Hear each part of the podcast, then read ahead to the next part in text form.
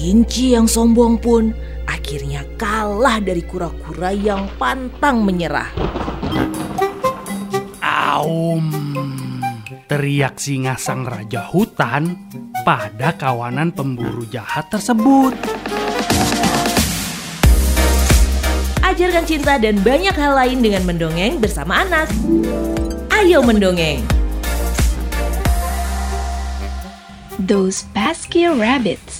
Bear lived on his own in the middle of nowhere, and that was just the way he liked it. So, you can imagine how cross he was when a family of rabbits built their house right next to his. Soon after the rabbits had moved in, there was a knock knock on his door. Hello, Mr. Bear. Could we borrow some honey, please? We want to bake a cake. I don't have any honey, Bear said. Pesky rabbits, he muttered. Bear poured himself a cup of tea, then added a drop of milk and ten spoons of honey. He was about to sit down when knock knock. Hello, Mr. Bear. Could you help us chop some wood, please? No, Bear said. I'm far too busy to help. Bear was snoozing in front of his fire when knock knock. What now?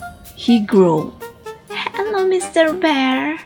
Would you like to swap book with us? No, I will not like to swap books. Bear had just started to eat his dinner when knock knock. Hello, Mr. Bear. Do you want to watch shoo- shooting stars with us? No, no, no, Bear roared. What I want is to be left alone.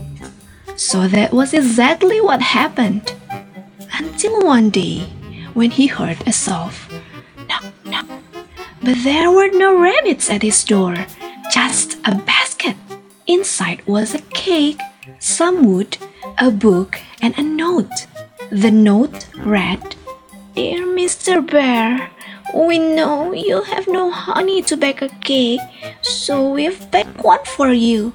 We hope you can build a warm fire with the wood. We also thought you might like to read our favorite book, The Hitchhiker's Guide to the Galaxy. It's about stars, planets, and space. From your neighbors, those pesky rabbits. Bear ate the cake, made a fire with the wood, and read the book before bed. But he couldn't go to sleep that night. For the first time ever, Bear felt lonely. So he decided to do something he had never done before. He went to visit his new neighbors. Bear spent a lot of time with the rabbits after that. And do you know something? That was just the way he liked it. The end. Ayo mendongeng, persembahan dari Female Radio. Love Life, Love Your Children.